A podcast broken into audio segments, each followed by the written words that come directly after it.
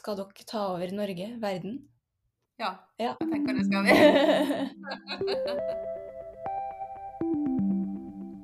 Hei og velkommen til Podpuri. Dette er en podkast om poduniverset og podfolk. Jeg heter Elise, og nå har jeg snakka med Birgitte Klekken. Hun er journalist og har lang erfaring i forskjellige stillinger i media. Eh, Nå arbeider hun bl.a. i Fædrelandsvennen, men har tidligere jobba som nyhetssjef og redaktør. Hun har en podkast som heter Det hun sa, der fokuset er arbeidsliv og liv for damer. Dette er ei dame som er veldig god på det hun holder på med, og hun brenner for å sette fokuset på kvinner sine historier og kompetanse. Jeg lærte veldig mye til å snakke med hun, og hun har veldig mange gode tips til deg som vil inn i media sjøl. Så da vil jeg bare si god høring.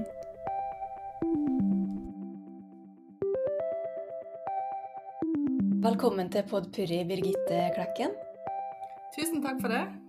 Eh, Du er jo ei dame med eh, Du har lang erfaring. Eh, Og vi skal snakke om podkasten din, men først er jeg veldig interessert i å høre om din vei inn i mediebransjen. Ja, det begynner jo å bli en stund siden jeg starta der. Um, jeg visste egentlig helt fra jeg gikk på ungdomsskolen at jeg ville bli journalist.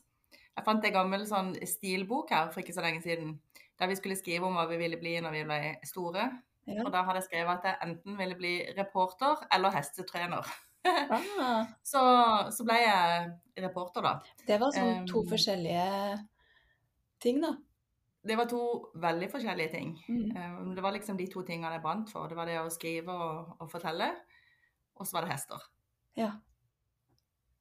Og så ble jo egentlig veien konkret inn eh, til ved at jeg spurte om jeg kunne få lov å frilanse litt i Fedrelandsenden, som er avisen for Sør-Norge og i Kristiansand, mens jeg studerte. ja. Um, så jeg begynte liksom å jobbe litt i helger og kvelder og ta på meg i begynnelsen ganske sånne enkle oppgaver, og så ble det mer og mer tyngre saker etter hvert. Hvor gammel var du da? Jeg var vel rundt 1920, tenker jeg, når jeg, når jeg begynte. Og så jobba jeg mye med studentavis før det, så jeg har egentlig alltid holdt på. Men jeg var 24 når jeg fikk fast jobb som journalist. Ja. Oi. Så kult. Så det er en stund siden. Så jeg jobba veldig mye med lokalstoff i begynnelsen, altså i lokalredaksjoner. Og det tror jeg er en smart vei inn. Jeg dekka Setesdal en stund på lokalkontor. Og så dekka jeg liksom vest i Agder med Mandal og videre vestover en, og Lindesnes Ja. en stund. Og da lærer man egentlig å gjøre alt mulig, for du, du må dekke alle typer saker. Så det, det er en god, um, god, en god skole, egentlig. ja. Mm. Hvordan er Var det Hvordan var det egentlig å, å jobbe i, i lokalavis når du begynte? Var det, det stor utvikling i forhold til hvordan du jobber nå? Ja, når jeg forteller det jeg skal si nå, så føler jeg meg jo som om jeg er 100 år. Men da jeg jobba i, i Mandal, f.eks., og hovedkontoret til Fedrelandsvennen er jo Kristiansand, Mm. da måtte jeg først Var jo du på en jobb og skrev liksom på blokka mi og to bilder. Så måtte jeg ta filmrullen og putte i en konvolutt. Og så måtte jeg gå bort til rutebilstasjonen og legge den opp i en postkasse. Og så kom sjåføren av bussen og henta den konvolutten. kjørte den inn til Kristiansand.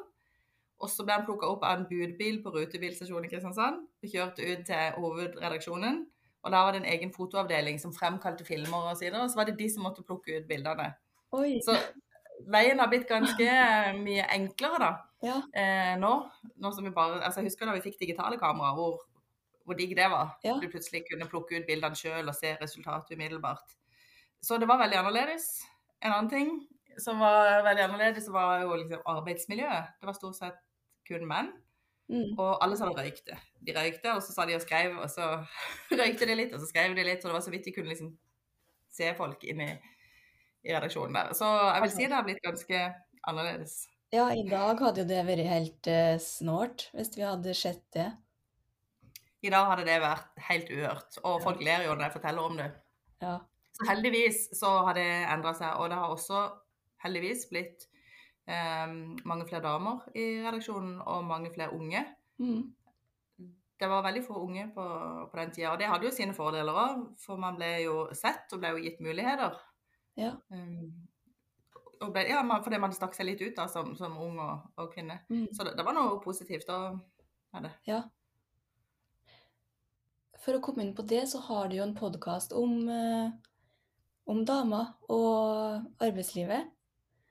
Jeg leste eh, et intervju du hadde med journalisten, og da sa du at eh, Det er ikke sikkert jeg siterer helt rett, men det var noe eh, sånt som at eh, du håpa å kunne eh, fremme interessen for, eh, for journalistikken i, når du gikk over til Fædrelandsvennen igjen, og kunne være litt kreativ. Er, er podkasten et sånt type prosjekt, eller kom det av noe annet på en måte? Nei, det henger nok litt sammen med den Jeg er jo veldig Som person så er jeg en, en kreativ person, og derfor så er jeg jo på en måte riktig bransje, for vi er jo en bransje der det er en, en god drivkraft. Um, så jeg vil jo si at podkasten selvfølgelig har fått kraft fra det, fordi at jeg blir veldig engasjert og syns det er veldig gøy. Men det kom egentlig, altså det starta egentlig med et helt annet prosjekt. Vi skulle se på, eller vi jobba egentlig med en, et forslag til en sånn næringslivssatsing, litt mer sånn tradisjonell næringslivssatsing. Ja. Og hvordan det egentlig endte opp med at det plutselig ble en podkast, det er jeg ikke helt sikker på. Men det ble liksom, veien ble litt til mens vi gikk der. Ja. Um, og jeg jobba da sammen med en god kollega som egentlig jobba i, i en annen avdeling, altså ikke, ikke rent redaksjonelt.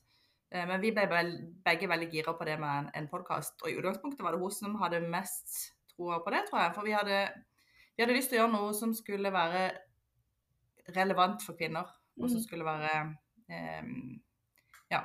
Vi ville lage noe som vi syns mangla sjøl, og som vi Mm. kanskje hadde savna sjøl. Et sted der damer kan snakke om jobb på en ordentlig måte. Mm. Samtidig som det skulle være litt gøy og ikke, ikke sånn tungt. Men um, Mm. ja, vi hadde lyst til å lage noe som vi sjøl hadde lyst til å høre på. Ja. Og så foreslo da hun gode kollegaen min Silje at hva, hva om vi kaller det det hun sa? Og så tenkte jeg ja, det var jo egentlig et litt kult navn. Um, først tenkte jeg på det hun sa, men den var, den var tatt. Okay. Og så er det jo veldig mange dialekter som har det hun sa, hvor det passer. Så da, Ja. da ble det det. Det, Så kjørte vi bare i gang. jeg syns det er et veldig bra navn.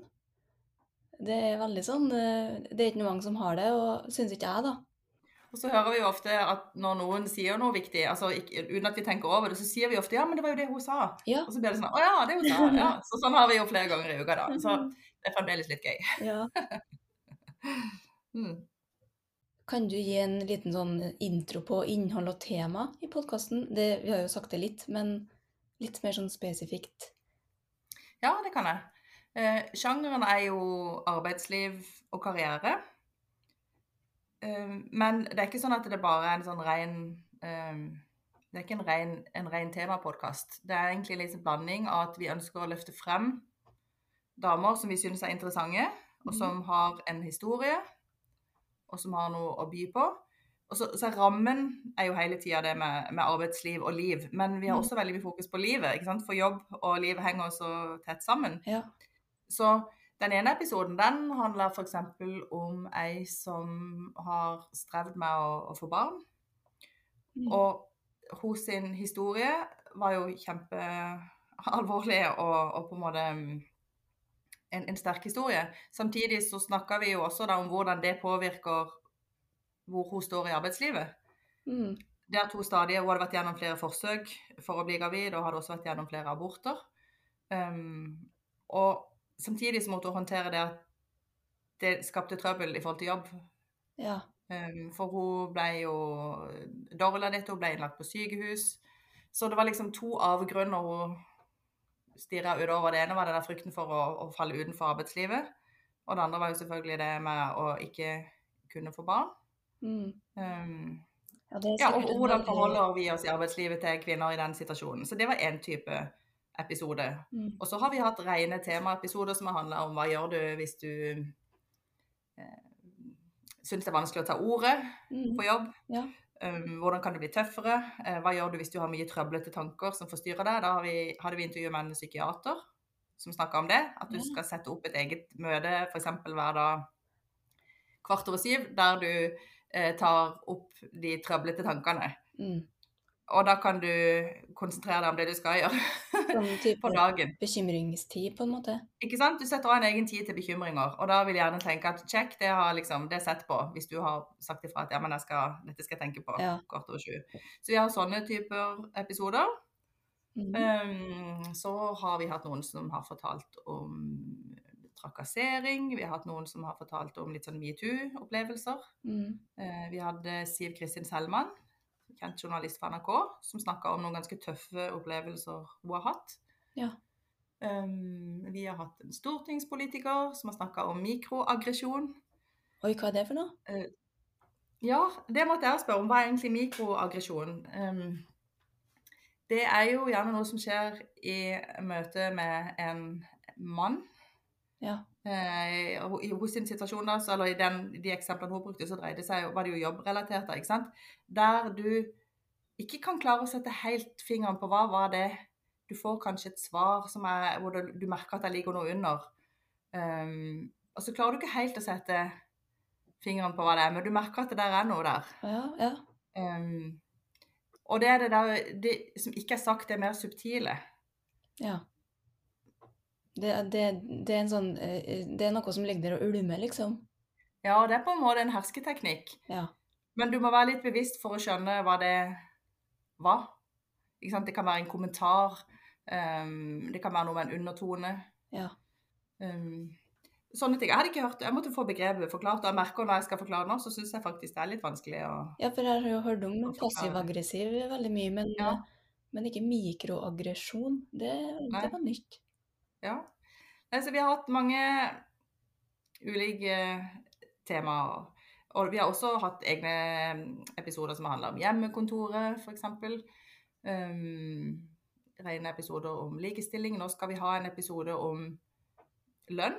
Ja. Den skal vi ha, eh, lage nå på, på torsdag. Og da skal vi snakke om hvorfor er det så vrient å snakke om lønn. Hvorfor er det liksom ubehagelig å si hva du tjener, eller å spørre noen hva de tjener. Mm. Det er veldig interessant. interessant.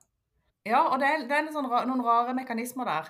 Mm. Samtidig så snakka vi med en dansk redaktør, og hun sa til oss at um, det viktigste du som kvinne kan gjøre for dine medsøstre, det er å spørre hva tjener de, og spørre dine kolleger hva tjener de, og fortelle hva du tjener. For det er jo bare da vi kan få rede på om det er urettferdighet. Ja. Ja, absolutt. Så, men det, det skal være tema, da, så det blir jo gøy. Ja. Åh. Det er, det er så mye sånn Jeg er jo Jeg har jo ikke vært så mye i arbeidslivet. eh, men eh, Og jeg har ikke opplevd noe sånn kvinnediskriminerende eller sånne ting, så jeg føler meg Jeg er jo veldig privilegert sånn sett. Men eh, hvordan vil du si at arbeidslivet for kvinner i dag er? Er det liksom Er det veldig ulikt i forhold til menn, eller er det, blir det bedre og bedre? Tenker at det er både ja og nei. Jeg tror ikke at vi skal tenke at det er en sånn lineær prosess som går av seg sjøl, at det stadig blir bedre og bedre og bedre. Jeg tror at en jevnt over må passe på eh, og være bevisst. Så tror jeg at økt kunnskap eh, gjør at vi blir bedre, og at vi blir flinkere til å identifisere det eh, som, Altså identifisere problemer. Jeg syns jo at heldigvis da at arbeidslivet er blitt bra og mye bedre eh, enn det var da jeg starta. Ikke minst har vi fått mye mer sånn systemer. ikke sant? Vi har gode Mm. HMS-folk, og vi har gode rutiner for rapportering. Mm. Um, men det er klart at det er forskjell, og ikke minst dette her med, med glasstaket. At kvinner kommer til et visst nivå. Hvis du tenker ledelse og, Mm. og makt og, og status, så kommer kvinner til et visst nivå, og så kommer de ikke lenger. Ja.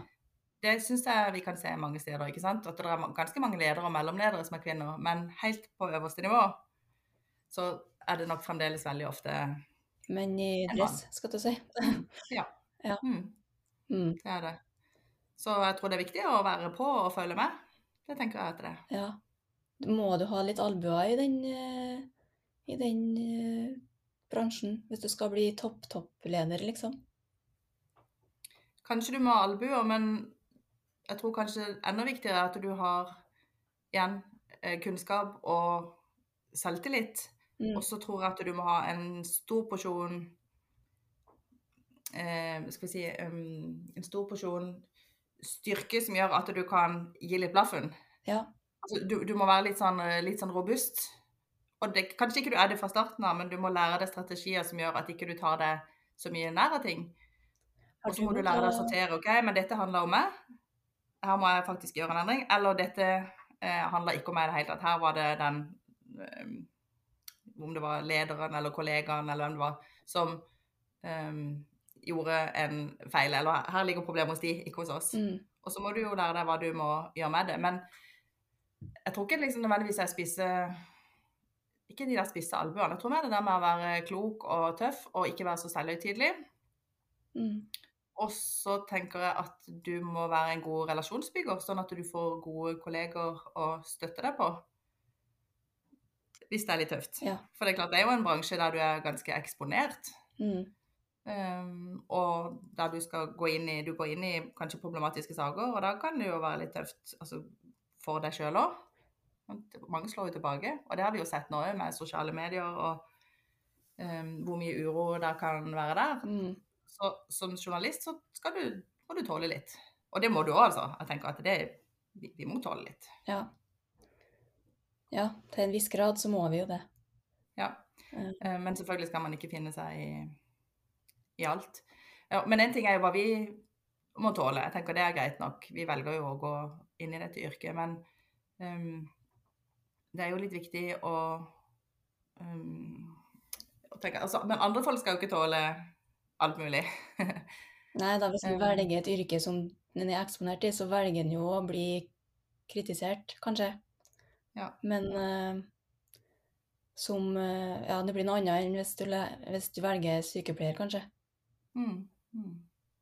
Et, et mål vi har hatt med podkasten og har med podkasten, er jo at si, vanlige folk, og kanskje spesielt kvinner, da, skal få et bedre forhold til media. Sånn at de tør å stille opp, og tør å si ja til intervjuer. Mm. Um, at de skal bli litt tryggere på, uh, på at, det, at det går bra. Mm. Bli litt tryggere på oss.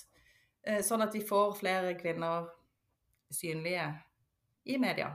For det har jo vært en sånn standard unnskyldning iallfall hos journalister at ja, men det er mye lettere å få menn enn damer til å, å stille opp. Ja, Derfor spør vi heller en mann. ja.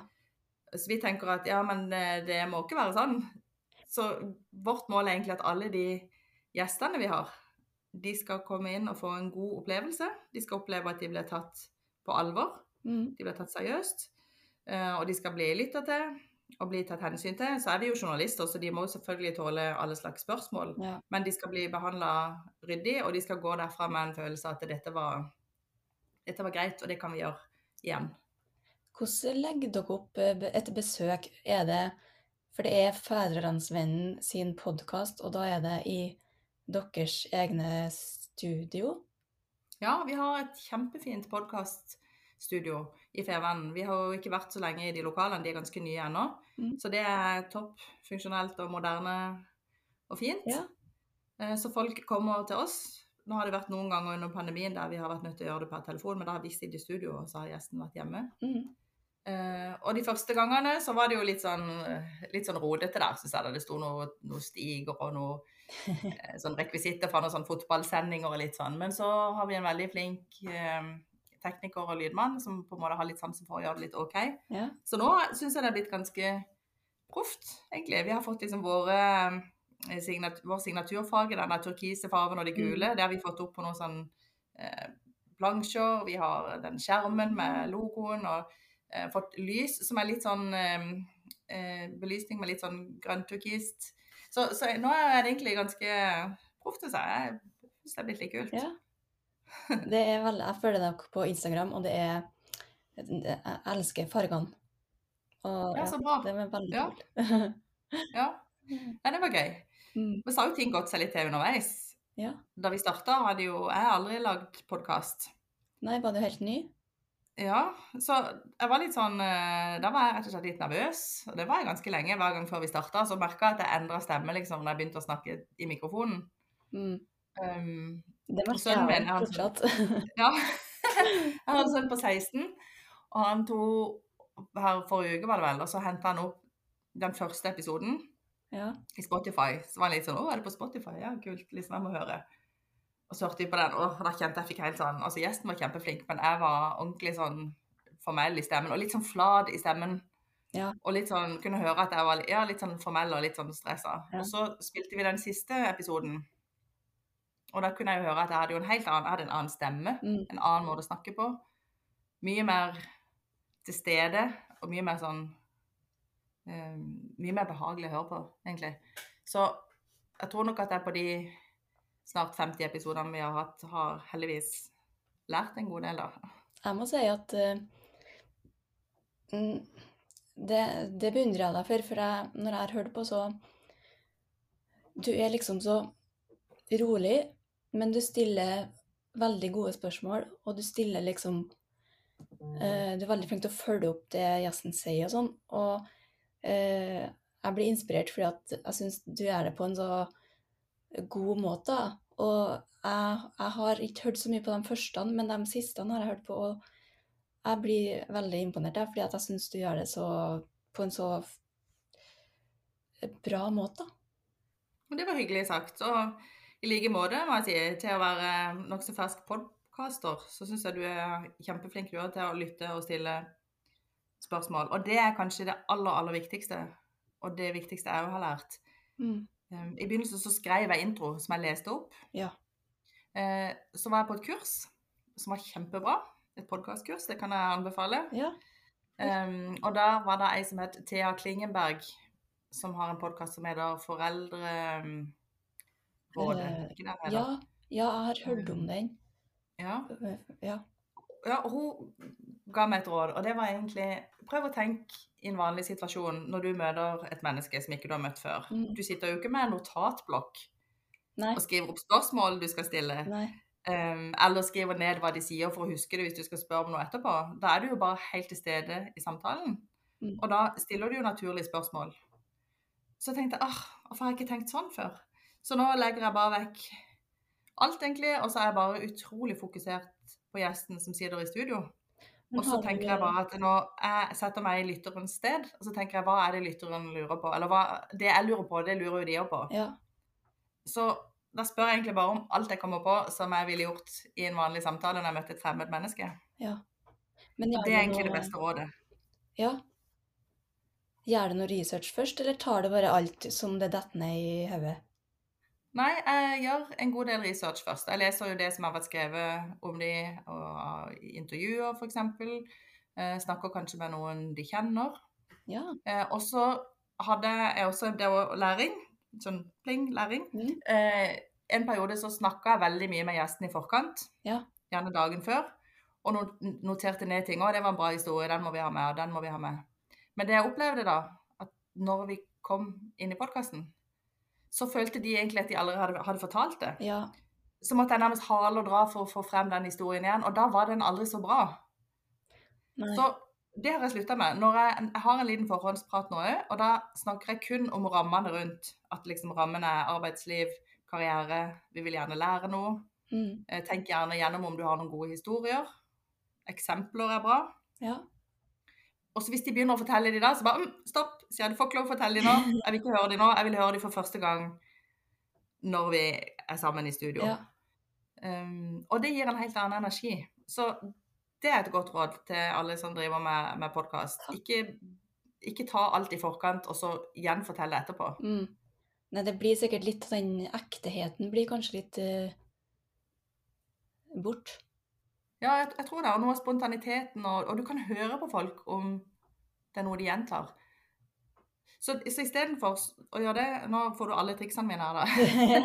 så, så snakker jeg gjerne med de to kollegaene jeg jobber sammen med. Noen ganger er vi jo flere i studio òg, men Mm. ellers så snakker vi sammen, og så blir vi enige om at OK, men denne personen er interessant pga. det og det. Og det er iallfall fem punkt, fem temaer som vi må innom. Mm. Og de fem temaene kan jeg godt skrive opp bare som fem stikkord.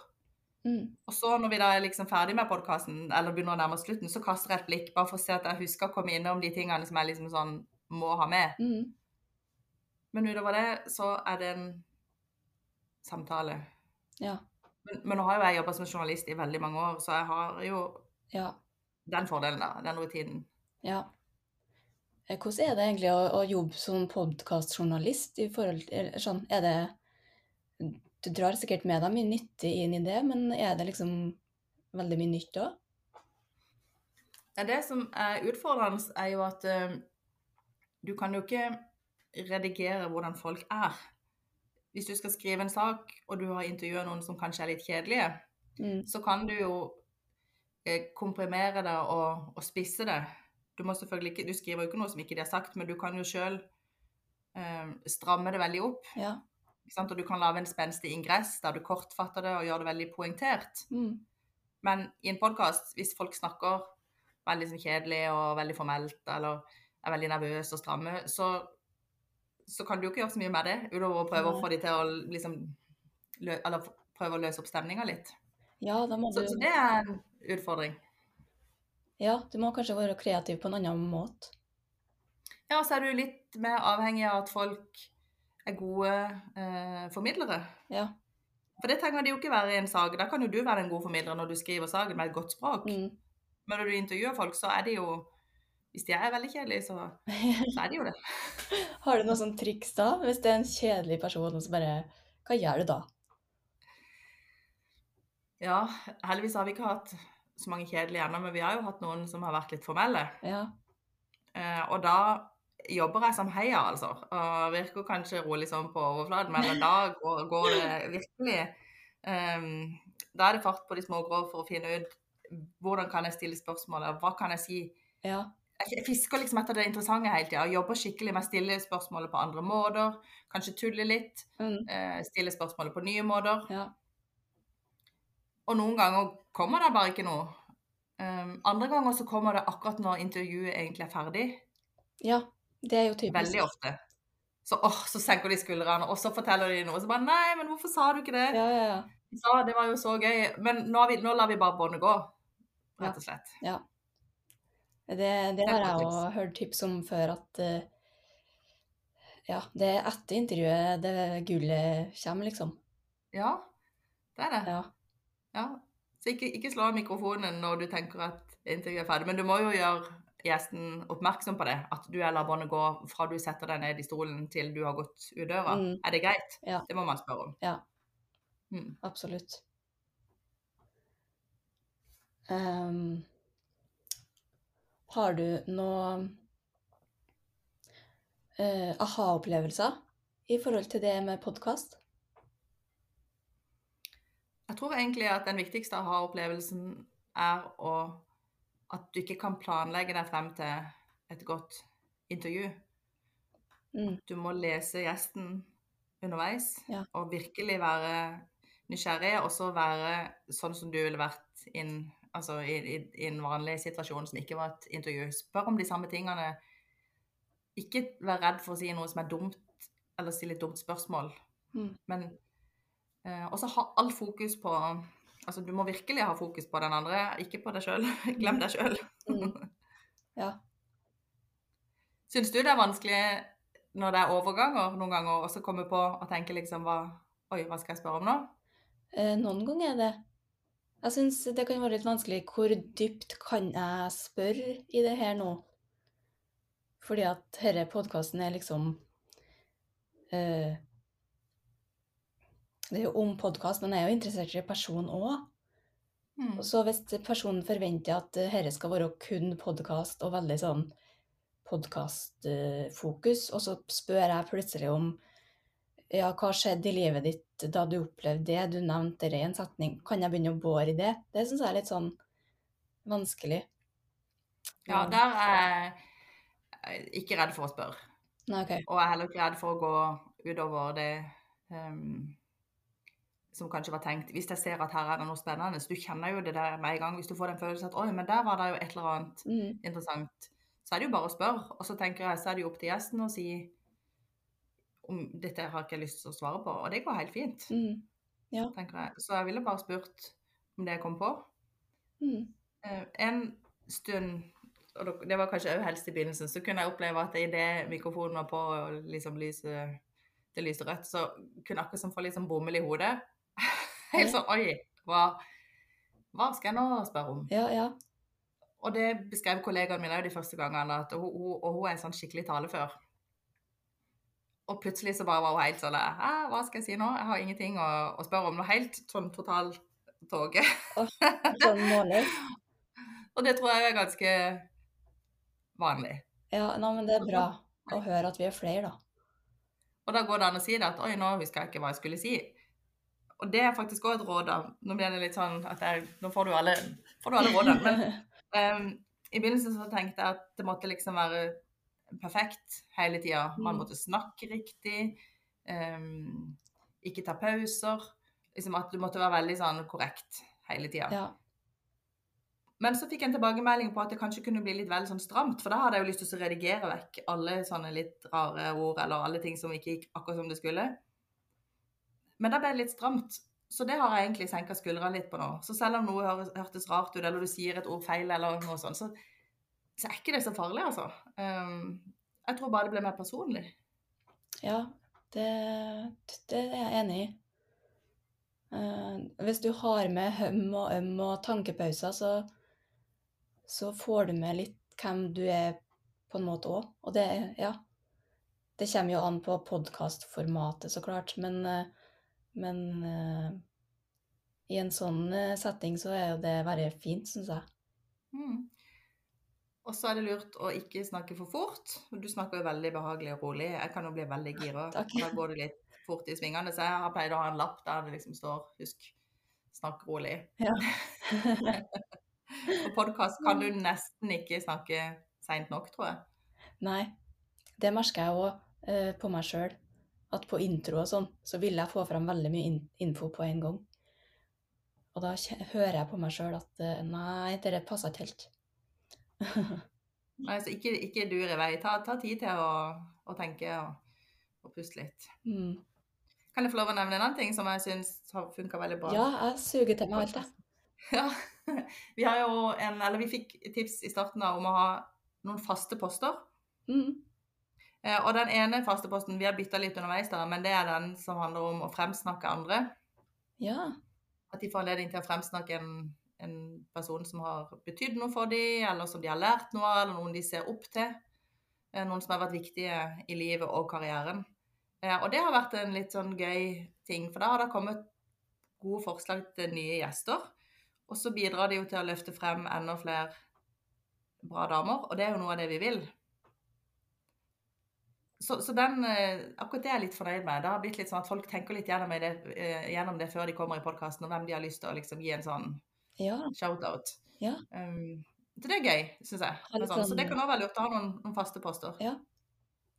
Det mm, Det tror jeg òg er veldig lurt. Og, og fint både for eh, gjesten og for dere sikkert, for å ha litt sånn struktur på det. Mm. Det er det. Ja. Og så er det det med å ha kontakt med lytterne. Det syns jo vi er veldig gøy. da. Vi har jo denne Facebook-sida som folk må be om å bli medlem på. ja. eh, i, i det hun sa. Um, og det syns jeg er veldig gøy, for da får du gode innspill og tilbakemeldinger nokså direkte. Ja. Og en får opp mange nye navn. Vi har faktisk sett at flere av de som har vært gjester, eh, har eh, starta egne podkaster etterpå de har vært med. Og seriøst, det er kjempekult. Så det er jo litt gøy. Ja. At folk har liksom takka ja til nye utfordringer. Noen har begynt å skrive litt og sånn. Så det, det skjer liksom ting. Ja. Det er jo òg i tråd med det vi, med det vi vil. Ja.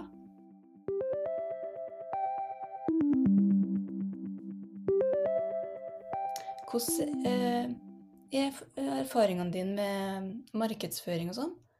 Fordi at jeg ser at eh, dere har eh, sitat og sånn fra episodene. Eh, funker det bra? Ja, eh, jeg tror det. Og vi har jo sett litt nå på rekkevidde og sånn, og det som eh, når lengst, det er jo vanlige poster. F.eks. de med et sånt sitat på, på, på Instagram, da. Mm. Og så har vi jo story og sånn i tillegg, men det som har størst rekkevidde, det er eh, bildene og sitater. Og så har vi jo sånne korte videoer. Vi tar jo, mm, innimellom så filmer vi jo hele podkasten. Mm. Og da tar vi gjerne ut et klipp eller to med noe som vi syns er bra. Ja. og bruker. Um, Men det er jo alle podkasteres utfordring. Det er jo hvordan du får spredning. Hvordan får du, Mm. får du folk til å oppdage podkasten din. Ja. Og det jobber vi jo med hele tida. Så vi har noen annonser i papir, men jeg tror nok ikke at vi når så mange der. For jeg tror at pod, de som lytter til podkast, hovedsakelig er litt yngre. Det er kanskje ikke Ja. papirleserne først og fremst. Nei. Så lager vi jo noen ganger en liten reportasje om uh, podkasten eller episoden. At vi skriver en liten sak. Mm. Men jeg tror nok at de fleste eh, finner oss enten fordi vi skriver om det på, på Facebook eller på Insta. Og så er det mange som abonnerer, da. Ja, Mm. kult. Men det er litt eh, Ja, det, det er utfordringa å få det spredd mest mulig. Mm. Og så er det jo det der med å stille opp hos hverandre, ikke sant. At man Ja. fremsnakker hverandres podkaster. Det tror jeg virker. Mm. Mm. Er det noe vi ikke har snakka om om podkasten som du har lyst til å si? Det er jo et veldig bra spørsmål. Det pleier jeg å bruke. Det er kjempebra. Ja. det var ikke meninga å ta ditt, altså. Det er, bra. det, det er bra. Det er et godt eh, oppfølgingsspørsmål. For det kan jo være at folk har tenkt å forberede seg i forkant, og så kommer ikke det spørsmålet, så får de ikke sagt noe Ja. som de virkelig brenner for. Um, jeg, skal vi se. Jeg har bare lyst til å si at jeg syns det har vært og er så utrolig gøy å treffe så mange bra gjester og så mange bra damer. Jeg har jo fått nye venner, jeg òg. Ja. For det, det er jo noe med alle de en møter som en blir litt begeistra for. Mm. Så for meg har jeg har, si, um, har oppdaga så mange nye, flotte damer og ja, på, Mm. på, på Sørlandet og i det hele tatt, egentlig. Eh, og det tror jeg er bra, for det gjør jo at du får flere kilder som journalist, ikke sant? og at Mm. det blir lettere å finne gode kvinnelige kilder også. Ja. Eh, Så den der gleden av å treffe alle disse her eh, sykt bra damene, og hver gang jeg er ferdig med en episode og har møtt en sånn dame, så er jeg jo så gira etterpå. vet du. Jeg er jo så full av inspirasjon Ja, ja. Og, og energi. Oh. Så, så det er skikkelig skikkelig gøy. altså Rent sånn personlig òg. Det har vært helt fantastisk. Vi har holdt på med dette i ett år, og det har vært et ordentlig gøy prosjekt. Jeg er ellers litt sånn kjip tid med korona, ikke sant, og vi har Mm. vært lite ned fysisk på jobb og sånn. Så ja. det er veldig, veldig givende og lærerikt å, å jobbe med. Og jeg bruker det. Mange av de tingene som de har fortalt meg, disse gjestene bruker jeg jo aktivt på jobb, jeg òg. ja. Så jeg syns det har vært nyttig for meg òg. Åh, det høres ut som det gir deg mye glede, da. Ja, det gjør det. Og jeg tror at hvis du skal ha det skikkelig gøy og bli ordentlig god, og skal bli lytta til, så må du være interessert Skikkelig interessert i mennesker. Mm. Og hvis du er det i livet ellers, og så tar det med inn i podkasten og bruker den der eh, interessen, så tror jeg det kan bli bra, altså. Ja. Kjempefint. Um, siste spørsmål. Ehm, jeg så jo at du er veldig glad i å gå på tur. Ja. Eh, har du noen podder Bruker du å høre på podder da, eksempel? ja, jeg hører ikke på podkaster når jeg er ute på tur, egentlig, men jeg bruker det veldig mye når jeg ikke er på tur, til en sånn, både til inspirasjon og avkobling. Ja. Så jeg har jo funnet meg noen ordentlig gode turpodkaster, bl.a. den som heter 'Uteliv' til Randulf Valle. Den syns jeg er veldig bra. Ja.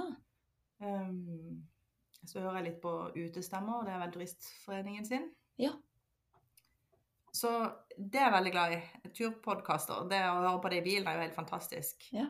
Men jeg har jo også noen andre podkaster som jeg syns er kjempebra. F.eks. den um, hva den heter, norsken, svensken og dansken. Mm. Den syns jeg er helt fantastisk bra. Den Mm. blir jeg liksom litt klokere av. ja, jeg føler Ja. ja. Du får et så fint bilde av Skandinavia, på en måte. Ja, du gjør det. Og det er interessant å løfte blikket litt, for noen ganger tror du at vi er litt likere enn det vi er, og noen ganger tror du at vi er litt mer forskjellige enn det vi er. Men, men de er flinke til å gi litt andre perspektiv, syns jeg. Den er bra. Mm.